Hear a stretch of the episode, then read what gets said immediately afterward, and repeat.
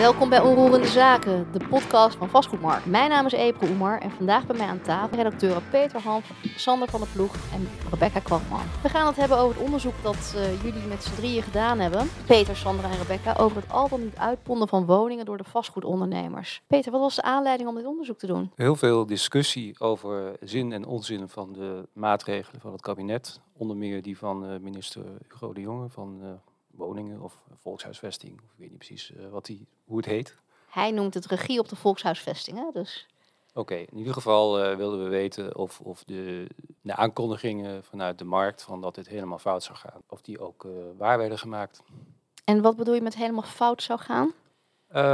beleggers zouden massaal afhaken. Ja, het zou ook enorme consequenties kunnen hebben voor de, voor de prijzen van woningen. En zag je dat terug in het onderzoek? Nou ja, die prijzen die, uh, die zijn inderdaad niet echt uh, ja, positief, hebben zich niet, niet positief ontwikkeld, maar ook niet echt heel erg veel negatiever dan van koopwoningen. Dat wil zeggen dat ze wel gedaald zijn. Ik dacht dat de huurwoningen juist enorm in waarde zijn toegenomen, de huurprijzen.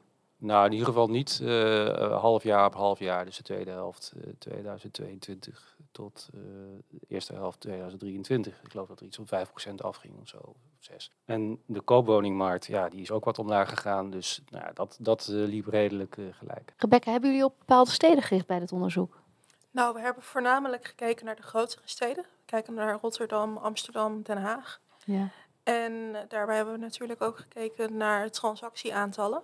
En dan zien we dat in een aantal grotere steden, voornamelijk in Rotterdam, dat die markt echt uh, is ingestort. Dus er is een uitpondgolf? Nee, er is geen uitpondgolf. Uh, dat, dat klinkt tegenstrijdig, dus hoe is dat? Nou, we kijken niet alleen maar naar uitpondstransacties. We kijken ook naar transacties tussen bedrijfsmatige investeerders onderling. En dan moet je bij bedrijfsmatige investeerder bijvoorbeeld denken aan een BV of een NV echte grote jongens die investeren in uh, beleggingswoningen. En we zien echt dat uh, zeker in de tweede helft, nee, in de eerste helft van 2023, dat die markt heel erg is ingestort in vergelijking tot eerdere halfjaren. Dus de handel is uh, stil komen te liggen, ja. maar er is tegelijkertijd geen verkoopgolf. nee, het lijkt echt alsof men hun portefeuille heel erg dicht bij zich houdt in afwachting van wat er komen gaat. Sander, dat klinkt uh, verrassend. Ja, dat vond ik ook. Uh, dus ik ben ook uh, de markt gaan bellen van, ja, hoe, hoe zit het precies? nou, dat gedaan hebben, valt er wel één dingetje op hoor. Want we hebben in ons onderzoek vooral gericht op beleggers met zeven of meer woningen in een, in een portefeuille. Ja. Um, en vanuit de markt hoor ik, ja, maar de kleinere beleggers, dus beleggers met één of twee woningen, die ponden wel degelijk uit. Want die zijn bang dat, er, nou, dat het helemaal misgaat met de markt. En degene met een grotere portefeuille, die denkt, nou, wij leunen nog even achterover en we zien wel hoe, hoe het schip gaat stranden. Maar vanuit Amsterdam hoorden we in ieder geval wel vanuit de MVA dat er een uitpondgolf plaatsvindt. Bij Pararius is het uh, aanbod op de site in twee jaar tijd uh, van 12.000 naar 5.000 gegaan. Dus een flinke afname. Dus de kleinere beleggers zeggen wel degelijk dat wordt uitgepond. Maar dat zien wij niet terug in de cijfers. Hoe verklaar je dat dan, dat je dat niet terugziet? Mensen hebben het er wel over, maar je ziet het niet terug in de cijfers. Nou ja, goed, zoals ik al zei, we hebben ons vooral gericht op uh, beleggers met 7 plus woningen. Ja. Uh, maar een andere belangrijke reden is dat, uh, kijk, je kunt wel willen uitponden, maar je moet het ook kunnen. Op het moment dat er huurders in zitten, valt er niet zo heel gek veel uit te ponden. Want ja, dan leid je er nog een groter verlies op. Dus dan ga je dat niet doen. Maar je kunt helemaal niet uitponden met, met huurders. Dus is het dan niet een bedoel, jij hebt met de markt gesproken. Is het dan niet dat ze zeggen van we wachten tot de huurder eruit gaat? Of zeggen ze dat ook niet? Krijg je dat ook niet terug? Jawel, jawel. Dus wachten tot de huurder eruit gaat. Want je moet een huis leeg verkopen, wil je er wat aan over kunnen houden. Ja. Dan zou je dus, eigenlijk weet ik dan niet, kan je dan concluderen dat regulering tot uitponden leidt, Peter? Dat zullen we moeten afwachten. Uh, misschien een beetje bij particuliere beleggers. En bij institutionele beleggers uh, is, dat, ja, is de jury nog in beraad dan zou je bijna zeggen dat het beleid van Hugo de Jonge eigenlijk hartstikke goed is. Want hij doet van alles. Uh, de verhuurders schreeuwen moord en brand, maar uiteindelijk verkoopt niemand. Nou ja, kijk, je kunt je natuurlijk afvragen van of dit een geval is van uh, blaffende honden die niet bijten. Je hebt de neiging om te denken dat institutionele beleggers uh, ja, wat, wat meer gehecht zijn aan, aan hun vastgoedportefeuilles. En um, die hebben ook de afgelopen tijd duidelijk minder aan zogeheten eigenaar-bewoners uh, verkocht. Dat is zo eh, 20% minder als ik het uit mijn hoofd doe. Ze vroegen er eh, ook iets minder geld voor als, als het tot een transactie kwam. Particulieren hebben wel ietsje meer verkocht, zo uit mijn hoofd ook weer. En, ehm, maar wel tegen aanzienlijk lagere bedragen. Dus daar, eh, en ja, dat kun je van twee kanten bekijken. Van nou, is namelijk minder genoegen. Aan de andere kant zou je zeggen, dat is ook een beetje jammer voor ze. Want als je ja, 14% minder gemiddeld krijgt en, en ja, je raakt je bezit nog niet makkelijk kwijt terwijl je het graag wilt. Ja, dan zou ik daar ook niet echt heel erg vrolijk van worden als particuliere belegger. Ik las ook dat er een soort van pijnperiode is. Van dat de verkopers moeten wennen aan eh, een lagere prijs. En dat de koper maar moet wennen aan de hogere rente. Ja, nou je zou in ieder geval kunnen zeggen dat eh, kijk, het aantal transacties is, is flink afgenomen. En ja, dat kan natuurlijk liggen aan, aan het aantal keren dat, dat, dat een, een, een eigenaar zei van nou ja, voor dat bedrag eh, wat ik er nu voor kan krijgen, daar ga ik het niet voor weg doen. En is er dan leegstand, Rebecca? Daar kan ik niet zozeer over meepraten, Ebro. Oké. En eh, zie je verschillen tussen de steden? Waar zie je... Absoluut, absoluut. Vertel, wel- welke steden hebben jullie onderzocht? Zoals ik jou vertelde, we hebben echt gekeken naar Rotterdam, naar Den Haag, naar Amsterdam. En wat we zien is dat voornamelijk in Rotterdam en Den Haag die markt echt is ingestort. Als je de cijfers van de tweede helft van 2022 vergelijkt met de cijfers van de eerste helft van 2023, dan zie je dat die markt in Rotterdam gewoon is gedecimeerd. In En- verkoopaantallen bedoel je? In verkoopaantallen inderdaad. ja. Dus dat, eh, dat vond ik erg interessant. En vooral ook omdat je in Amsterdam zie je dat in veel mindere mate. En ik vraag me nog steeds af hoe dat kan. En heb je daar een verklaring voor? Nee, heb ik niet. Sander, heb jij dat? Want jij hebt met wat makelaars gebeld. Ik heb makelaars gebeld, ja, inderdaad. Eh, nou goed, één mogelijke verklaring, tenminste een factor die meegespeeld kan Ja. hebben, is de verhoging van de overdrachtsbelasting naar 10,4% op 1 januari eh, dit jaar. Ehm, maar in Rotterdam inderdaad, dat heeft Rebecca gelijk in, is de markt gedecimeerd. Dat ging van, van 760 naar 58, volgens mij een half jaar tijd. Eh, Aantal transacties. aantal transacties tussen eh, professionele beleggers onderling. Dan zou je dus bijna denken dat de makelaars moord en brand schreven. Want het gaat ontzettend slecht, of niet? Eh, Ja, ze, ze maken zich er wel zorgen over. Maar in Rotterdam zou de lage boswaarde daaraan ten grondslag hebben gelegen. Eh, waardoor de huren wat lager liggen en huurders minder genegen zijn om te gaan verhuizen. Waardoor er weinig mutaties zijn en zou er weinig kunnen worden verkocht. Maar goed, dat hoor ik van, een, eh, van de makelaars in Rotterdam. Die, die zelf er ook heel nadrukkelijk bij zeggen, dit is giswerk. En hoe zit het met de handel? Zijn er, wat wordt er nog wel gekocht?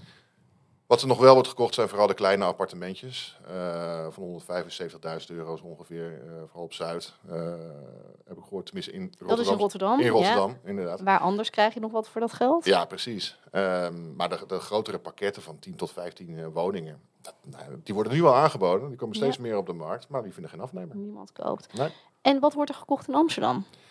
In Amsterdam zijn het dus wel de kleinere appartementen, voor zover ik dat heb begrepen, die, die wel worden verkocht. Het gekke is dat in Amsterdam het eh, transactievolume in dezelfde tijd, dus dan hebben we dus over het half jaar tussen eh, einde vorig jaar en begin dit jaar, bijna verdubbeld is. En daar hebben ze wel te maken, of ook te maken met 10,4 overdrachtsbelasting. Dus dat maakt niet uit. En daar gaan de huizen niet voor 175.000 euro. Nee, zeker aan. niet, zeker niet. Maar goed, dat zou dus ook te maken kunnen hebben met eh, een veel hogere boswaarde, waardoor die woningen eerder eh, in het vrije segment, eh vrije sector terecht zouden kunnen komen. En worden ze niet ook gekocht door eindgebruikers? Wat er nu vrijkomt. Eh gebeurt ook. Eh, ik heb ook vanuit de Amsterdamse kringen eh, vernomen dat het aanbod in Amsterdam bijna met een kwart is gestegen in het tweede kwartaal dit, eh, dit jaar. En dat zou dan vooral eh, afkomstig zijn van kleine box 3 beleggers. En weten jullie ook of er nog overboden wordt? Of is het echt een, een kopersmarkt? Doe maar zo lekker, zo laag mogelijk bieden. Peter. Dat krijg je niet te zien, want je krijgt gerealiseerde verkoopprijzen te zien. En, eh, en daar dan ook nog een gemiddelde van. Dus eh, wat er aan vooraf gegaan is, eh, dat, dat, dat, dat weet ik niet.